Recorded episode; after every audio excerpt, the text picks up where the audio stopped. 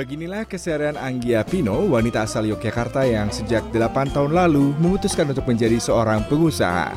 Berbagai bidang usaha seperti kuliner, properti hingga bisnis perawatan wajah telah ia lakoni sebelumnya. Namun, kini ia dan sang suami menjalani usaha membuat atau memproduksi sajadah traveling.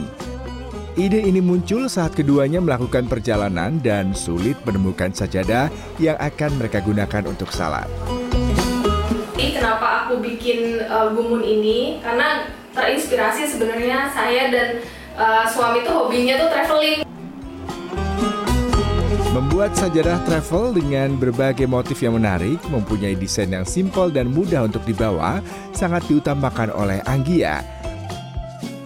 Proses produksi sajadah traveling buatannya cukup mudah.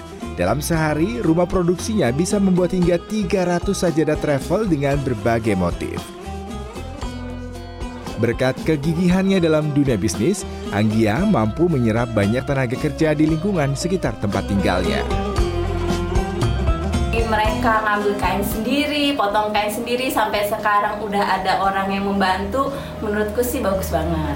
Pun awal itu karyawan belum sebanyak ini sampai sekarang berkembang ya um, cukup menginspirasi kalau buat aku sebagai karyawan. Alhamdulillah dari modal satu juta itu dalam tiga bulan aja kita udah dapat uh, omset lebih dari 100 juta.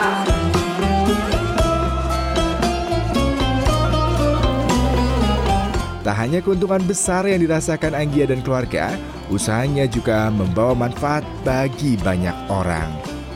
Edo Nurgantara, Daerah Istimewa, Yogyakarta.